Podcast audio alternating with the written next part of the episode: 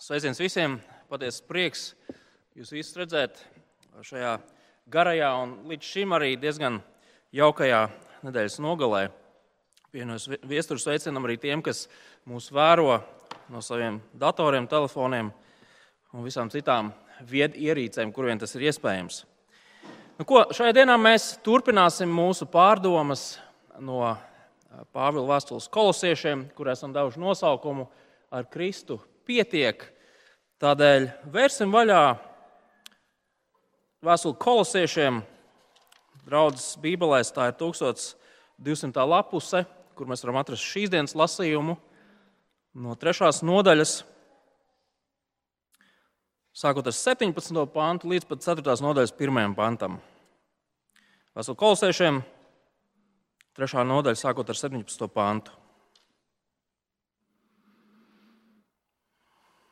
Un visu, ko vien jūs darāt, vārdos vai darbos, visu dariet Kunga Kristus vārdā, caur viņu pateikdamies Dievam Tēvam. Jūs, sievas, pakļaujieties vīriem, tā piedaras saskaņā ar Kungu. Jūs, vīri, mīliet savas sievas un neesiet skarbi pret viņām. Jūs, bērni, esiet paklausīgi saviem vecākiem visās lietās, jo tas ir patīkami un ir pēc Kunga prāta.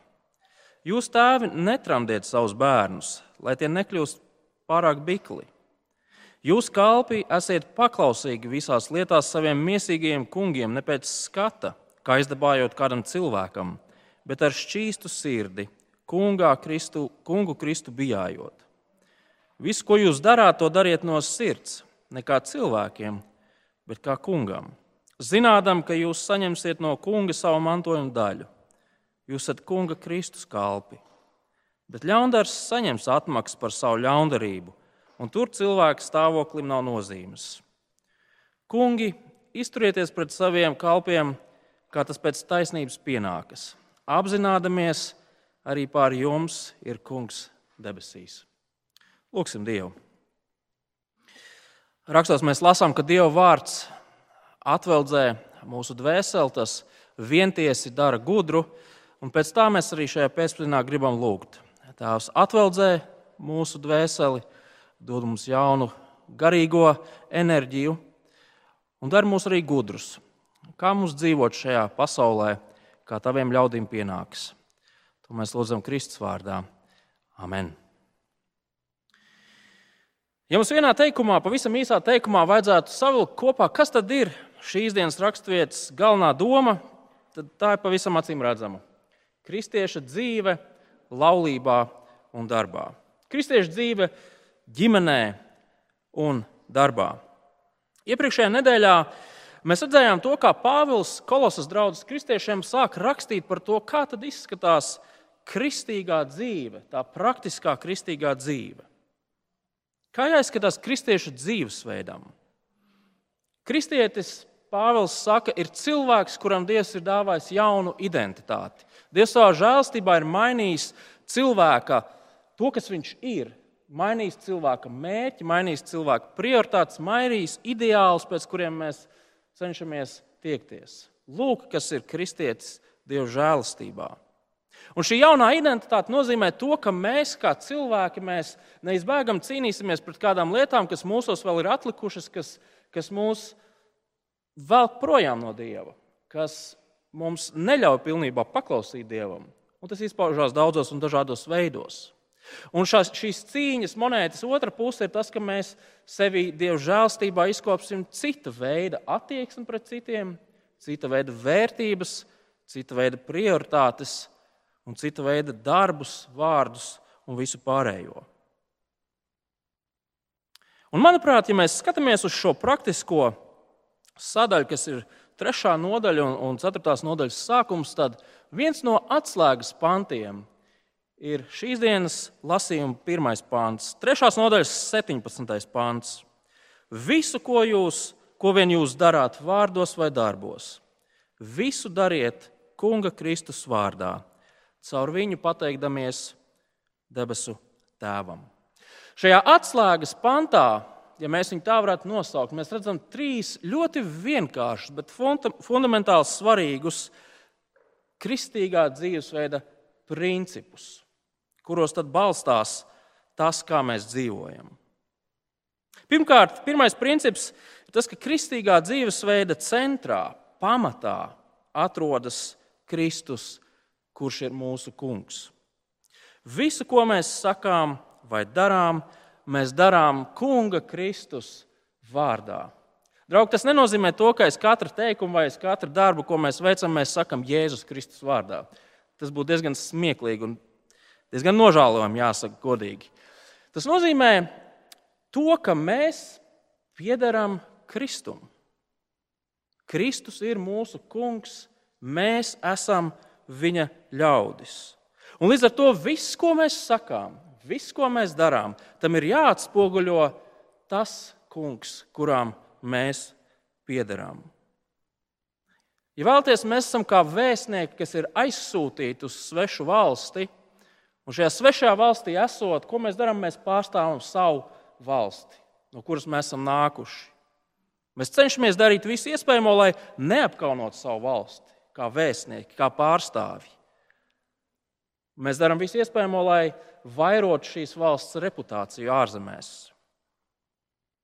Mūsu dzīve, mūsu laiks, mūsu attiecības, mūsu līdzekļi, mūsu īpašumi, mūsu iespējas, tas viss pieder kungam Kristum. Kāpēc? Tāpēc, ka mēs paši piedaram kungam Kristum. Mēs neesam neatkarīgas un brīvas būtnes šajā pasaulē. Tas ir mīts.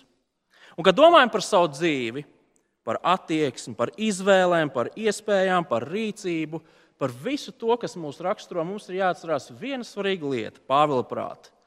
Kristus ir galvenais. Viņš ir mūsu kungs ikvienā mūsu dzīves jomā. Lai ko mēs arī neteiktu, lai ko mēs arī nedarītu, mēs pārstāvam viņu. Tas ir šis pirmais svarīgais princips, domājot par kristīgo dzīvošanu.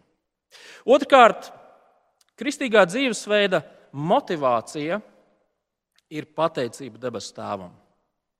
Reizēm mūsu motivācija ir bailes, pareizi.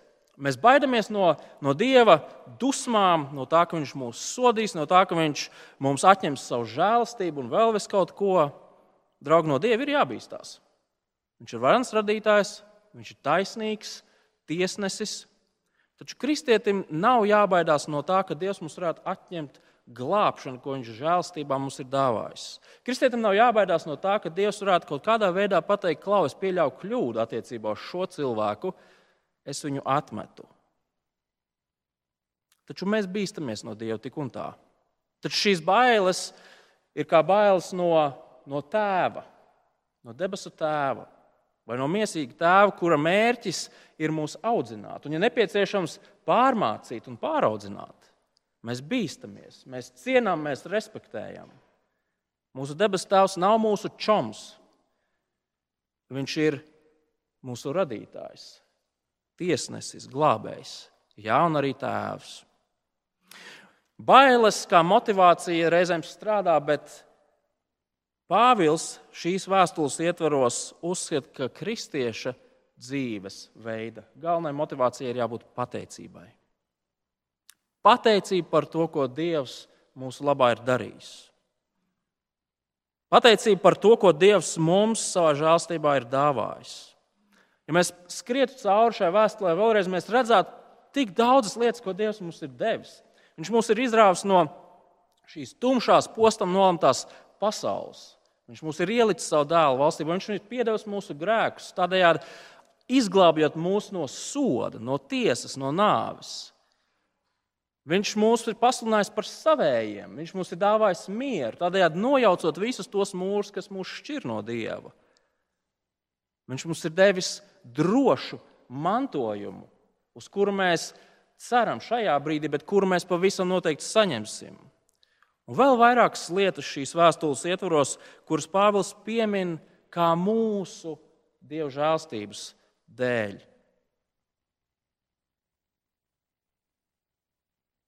Un, ja mēs par tām domājam, tā patiešām domājam, tad tai, es nezinu, ne, ne gluži emocijai, bet tai sajūtai un pārliecībai, kurai mūsos ir jāraisās, ir priekam un pateicībai par to, ko Dievs mums ir parādījis un devis.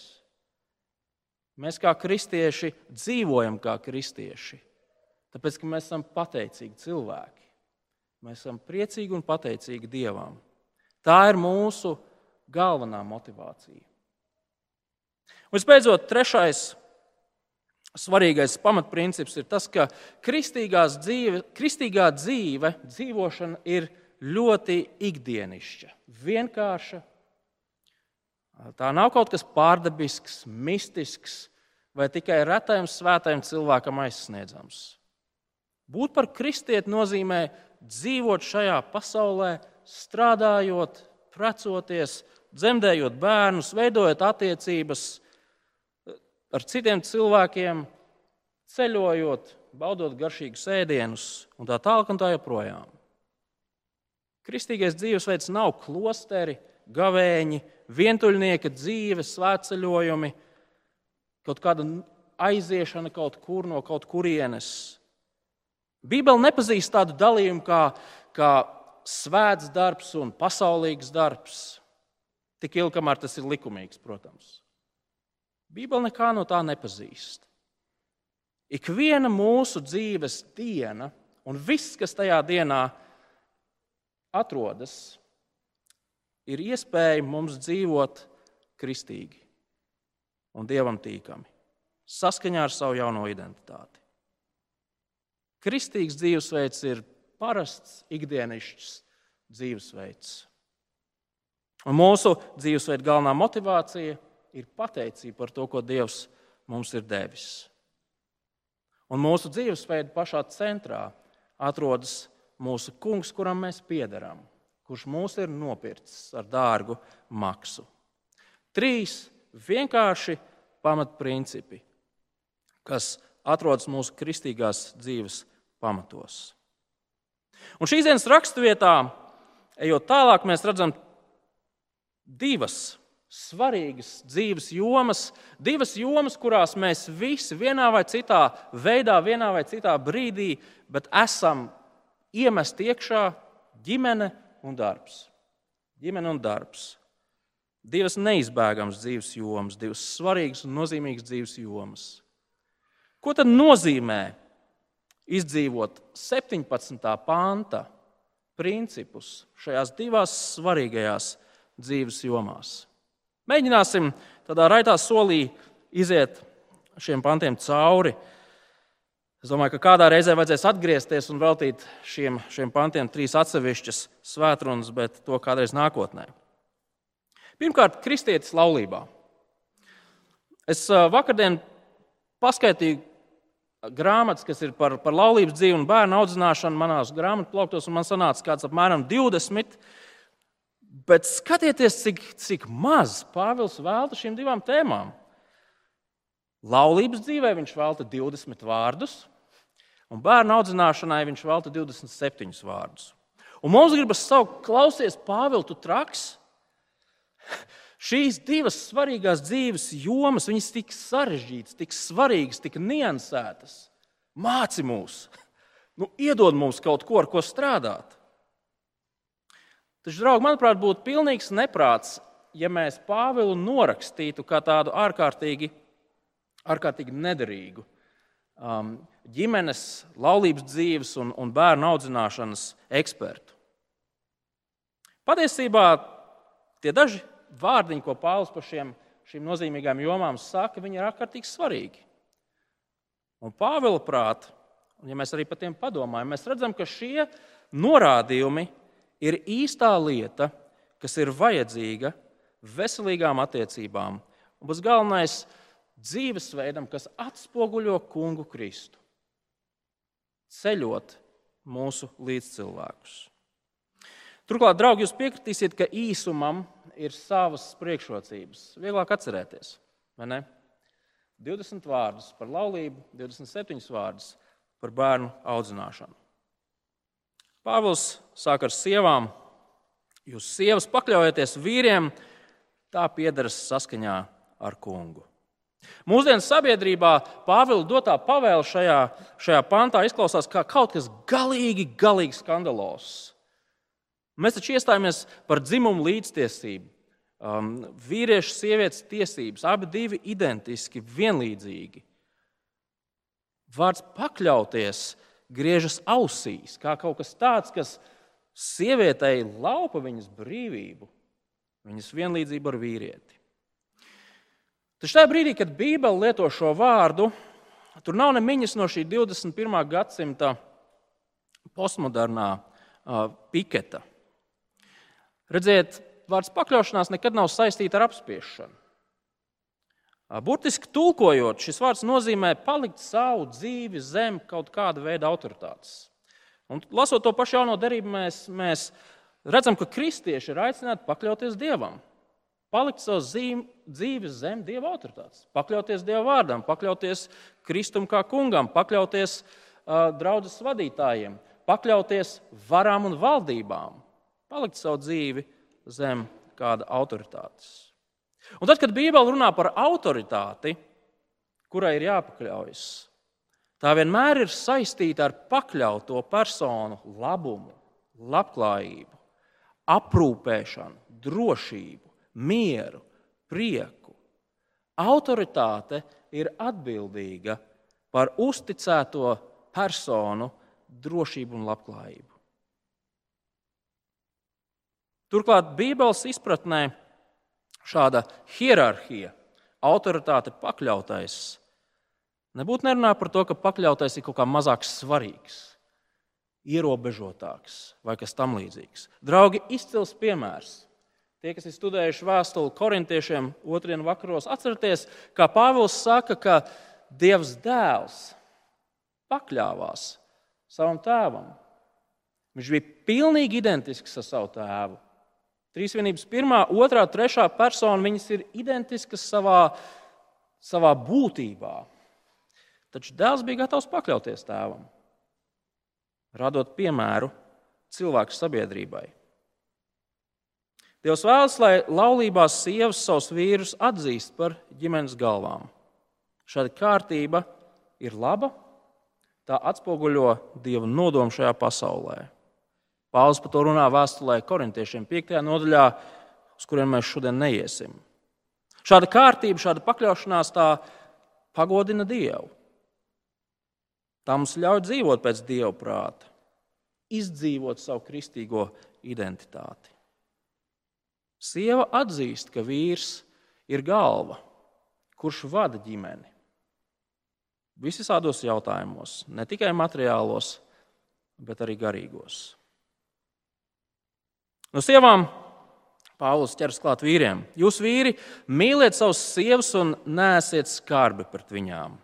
Vīriem ir jāmīl savas sievas, un mīlēt nozīmē aizliegt sevi, savas vēlmes, savus sapņus, lai rūpētos un celtu savu sievu.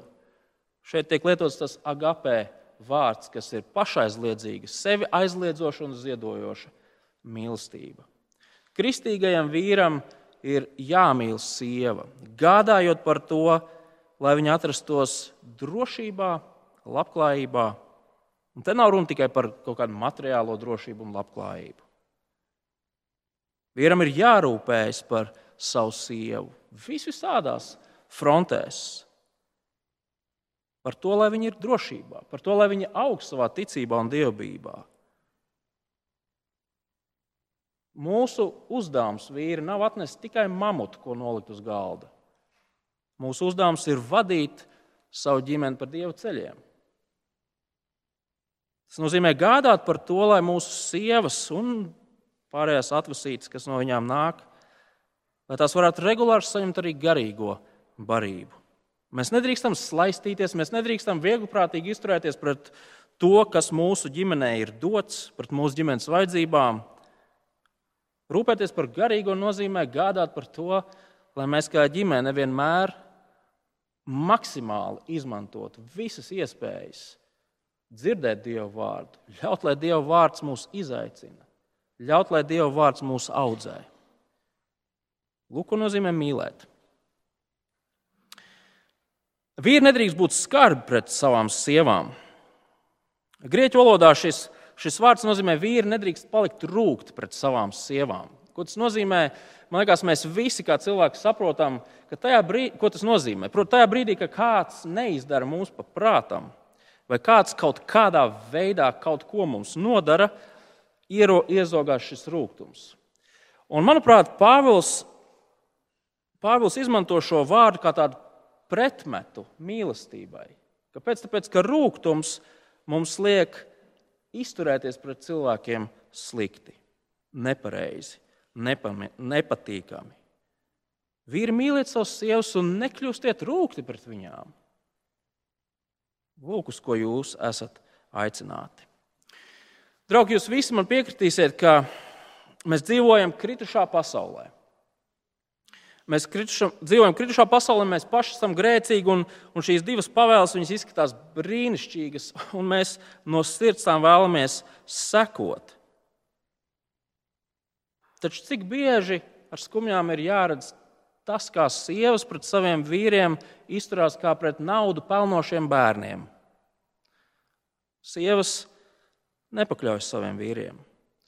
Cik bieži negadās redzēt to, kā vīri pieprasa kaut ko no savām sievām, nemaz nesot pašaizliedzīgi savā mīlestībā. Pilni rūkuma pieprasa kaut ko.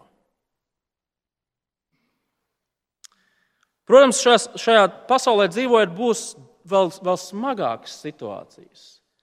Būs situācijas, kurās tikai viens no laulātajiem draugiem ir kristietis, otrs nē. Ko darīt? Pāvils teiktu, dari to, ko tu zini par labu esam. Ja tu esi vīrs, kurš ir Kristū, mīli savu sievu un neesi rūkts pret viņu. Ja tu esi sieva, kas ir Kristū, pakļaujies savam vīram, paklausot kungam. Un, protams, būs, būs situācijas, kurās ģimenē, kur ģimenēs valda vardarbība, un dažādas ļaunprātības. Šajās situācijās, protams, mums ir jārunā detalizētāk un niansētāk. Par to mēs šajā brīdī nerunāsim. Bet būs situācijas, kur ir ļoti grūti vai pat neiespējami īstenot to, ko Pāvils šeit pieprasa. Draugi, tas, kā šī pakļaušanās vīra vadībai Kā šī pašaizliedzīgā mīlestība un gādāšana par ģimeni izskatās reālajā dzīvē, būs atkarīgs no dažādām lietām. Tas būs atkarīgs no tā, kāda veida kultūrā mēs dzīvojam, um, no apstākļiem, kuros mēs atrodamies, no iespējām, no mūsu vajadzībām. Precētie Pāvils atstāja jūsu, mūsu pašu ziņā to, kā praktiski izskatās šo divu pavēļu izdzīvošana Latvijā, Rīgā. Bet atcerieties, mēs kā dieva ļaudis esam aicināti savā laulībā demonstrēt dieva iedibināto kārtību, kurā vīri pašaizliedzīgi vada, bet sieva pakļāvīgi seko. Kristus ir kungs pār mūsu laulības dzīvi. Un tas nozīmē, draugi, mums vīriem sev jāuzdod jautājums, ko mēs varam darīt? Ko mēs varam vairāk darīt, lai sievas ar prieku mums pakļautos, mums sakotu? Sievas, jums jādod sev jautājums, ko mēs varam vairāk darīt, lai mūsu vīri ar prieku mūs pašaizliedzīgi mīlētu. Apusēja atbildība vīriem un sievām, kristiešiem, kas atrodas laulībā. Tālāk Pāvils pa teikumam velta arī bērniem un tēviem.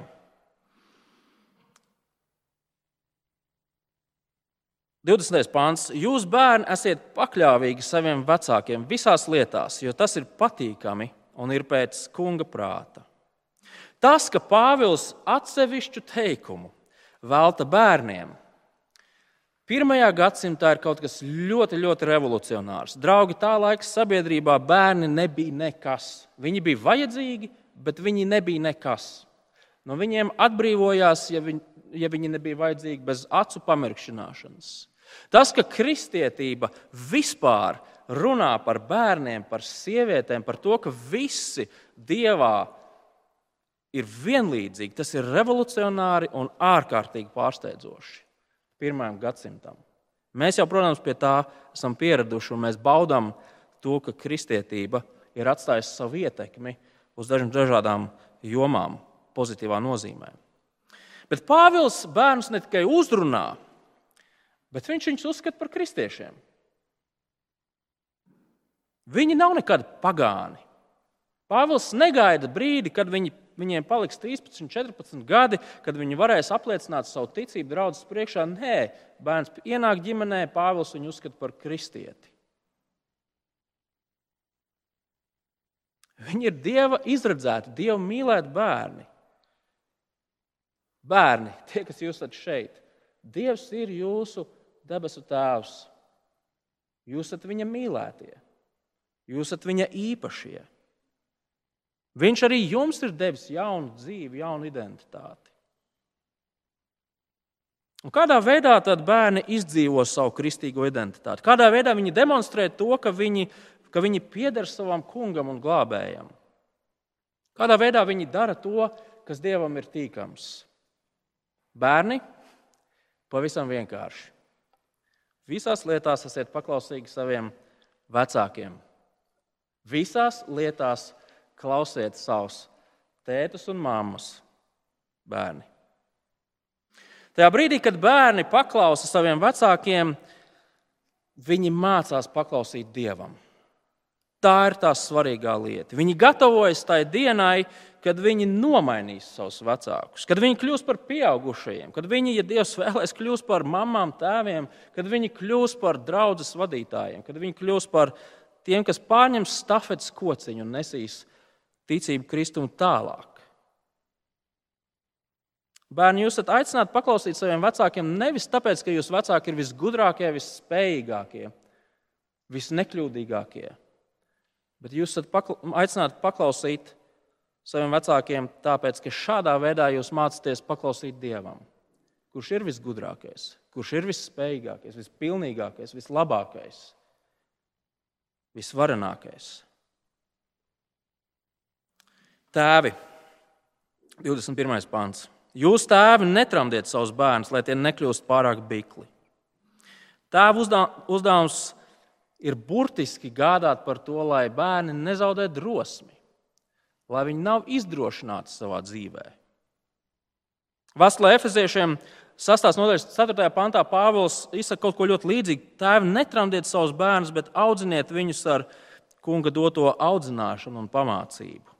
Tramdīšana ir šī, šī mūžīgā apsaukšana, bakstīšana, raustīšana, teikšana, ka tu jau neko nesaproti, tu nekam šobrīd vismaz nederi, un tā tālāk un tā joprojām. Tēvi, mūsu primārais uzdevums kā kristiešiem, kā kristīgiem tēviem, vecākiem, un šis pants attiecās ne tikai uz tēviem, bet arī uz mātēm, bet primāri uz tēviem. Mūsu primārais uzdevums ir mācīt saviem bērniem par kungu. Kas ir kungs, ko nozīmē viņam ticēt, ko nozīmē dzīvot kungam? Tas ir mūsu primārais uzdevums. Mūsu primārais uzdevums nav padarīt mūsu bērnus par personībām, par vislabākajiem futbolā, mākslā, mūzikā. Vai esat piefiksējuši to, cik bieži mēs vecāki reizēm pat nemanot, gribam, lai mūsu bērni izdzīvo tos sapņus, kurus mēs neizdzīvojām? Tas nav mūsu uzdevums. Neuzspiedīsim to saviem bērniem. Saskaņā ar šiem pantiem Arī tā, ko Pāvils teica Vēstulē Efesiešiem, mēs līdz galam neesam izdarījuši savu vecāku pienākumu, ja neesam rūpējušies par to, lai mūsu bērni mācās par kungu un zina, ko nozīmē būt par kristieti. Tas, vai viņi izaugot, turēsies pie ticības, draugi, tas nav mūsu ziņā. Par to ir atbildīgs pats Dievs. Mums ir savs uzdevums mācīt, skolot savus bērnus ticības lietās. Bet ak, cik daudz mēs, kā vecāki, koncentrējamies uz to, lai mūsu bērni ir ar labiem panākumiem, sekmēm, atzīmēm, lai viņi visiem patīk, lai viņi visur piedalās. Bet cik bieži un cik daudz mūsu bērni dzird par kungu? Cik bieži un cik daudz mūsu bērni redz to, kā ir jādzīvo dievbijā. Un tas ir nopietns izaicinājums, draugi. Un, un visvairāk es to šajā dienā attiecinu pats uz sevi. Es neesmu izdarījis visu iespējamo, lai saviem bērniem gan ar audzināšanu, gan ar piemēru mācītu, ko nozīmē būt par Kristus cilvēku. Un ir lietas, kuras es nožēloju. Taču brīnišķīgi labā ziņa ir tā, ka Dieva žēlstībā nekad nav par vēlu. Nekad nav par vēlu sākt to darīt, sākt audzināt savus bērnus. Ja jums ir vajadzīgas praktiskas idejas, kā to darīt, droši pēc dievkalpojuma pienāciet pie manis. Mēs par to varam parunāt. Bērni, tēvi, sievas, vīri, kā dzīvot kristietim ģimenē. Visbeidzot, Pāvils pievēršas otrai lielajai mūsu dzīves, dzīves jomai, un tas ir darbs. Kristietis darbā. Izlasīsim vēlreiz no 22. līdz 25. pantam. Jūs kalpi esiet paklausīgi visās lietās saviem mīsīgajiem kungiem. Ne skata pēc, kā izdabājot kādam cilvēkam, bet ar šķīstu sirdi, kungu Kristu bijājot.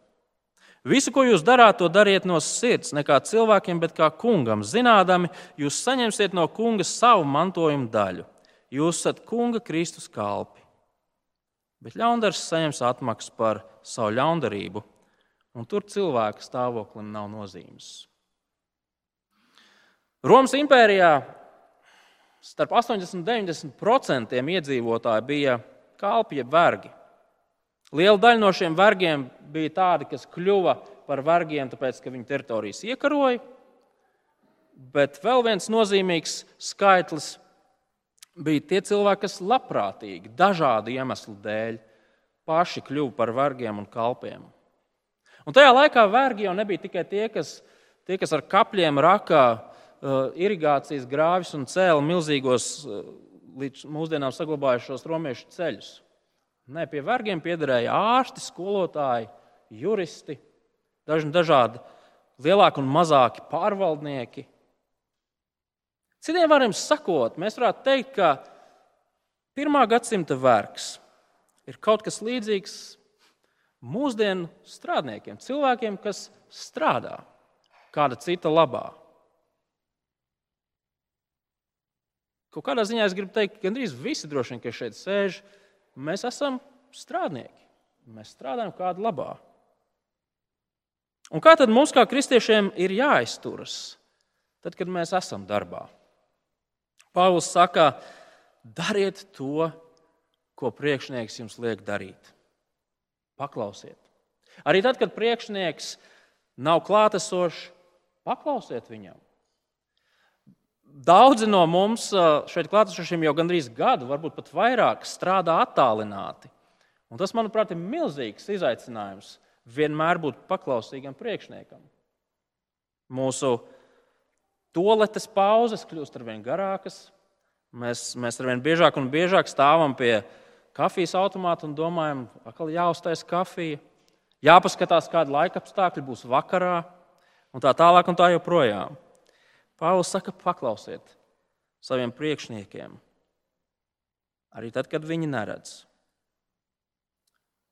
Strādājiet, Pāvils saka, ar šķīstu, jeb, jeb, jeb nedaudz citādāk, ar godības pilnu, godīguma pilnu attieksmi. Kāpēc? Pāvils saka, tāpēc, ka jūs strādājat kungam.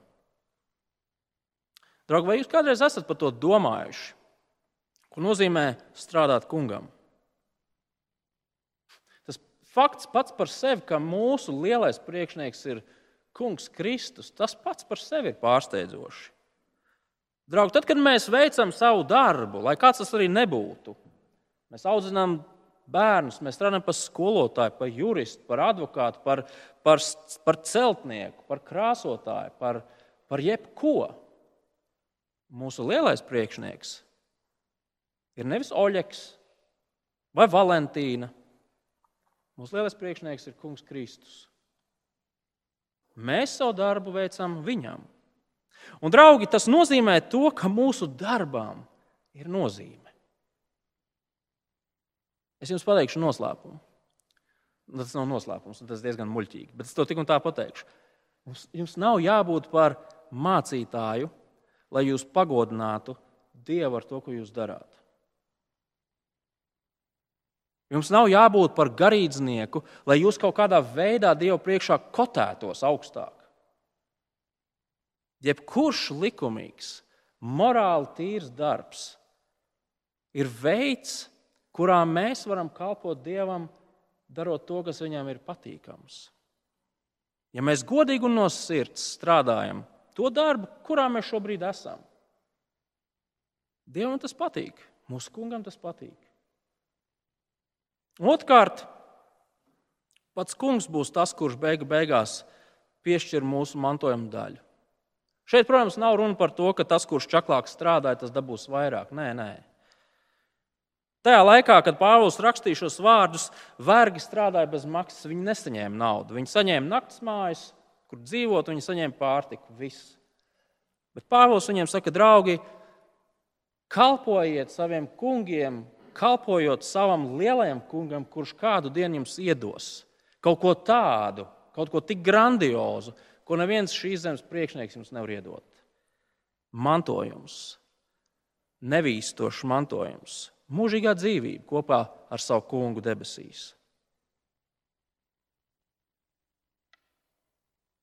Turklāt Pāvils saka, ja pret jums izturās netaisnīgi, ja kāds priekšnieks ir ļauns, protams, ir grūti, bet pārāk par to nepārdzīvojiet. Tāpēc, ka kādu dienu katrs ļaundaris saņems pēc saviem nopelniem, un nav svarīgi, cik liels čiekurs viņš savā dzīvē nav bijis.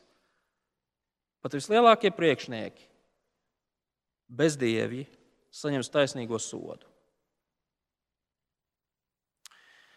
Visbeidzot, kungi. Ceturtās nodaļas pirmais pāns. Kungi, izturieties pret saviem kalpiem, kā tas pēc taisnības pienākas. Apzināmies, arī pār jums ir kungs debesīs. Arī priekšniekiem ir priekšnieks. Kungiem ir jāizturas taisnīgi pret saviem padotājiem. Darba attiecībās tas nozīmē nodrošināt un samaksāt pienācīgu algu tā, kā tas ir atrunāts. Tas nozīmē gādāt par to, lai darba, darba apstākļi atbilstu tam, kas likumā ir noteikts. Tas nozīmē gādāt par saviem padotajiem.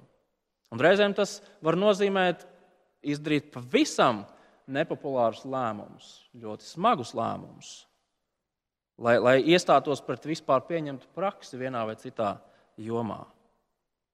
Un kāpēc tas viss?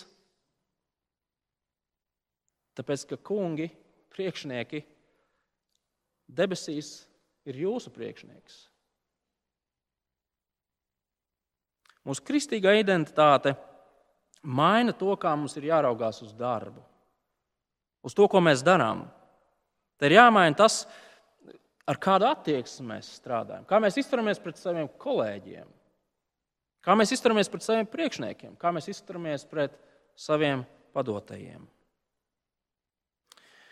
Draugi, Dieva žēlstībā Viņš mūs ir izrāvis no šīs tumšās un postam nolemtās pasaules. Mēs tagad piedaram Viņam. Mēs esam Kunga Kristus ļaudis ar godības pilnu mantojumu un apsolījumu, kas mūs visus sagaida nākotnē. Mums ir dota jauna identitāte, jauna dzīve, jauns mērķis, jaunas prioritātes. Tas nozīmē, ka mēs esam aicināti dzīvot citādāk.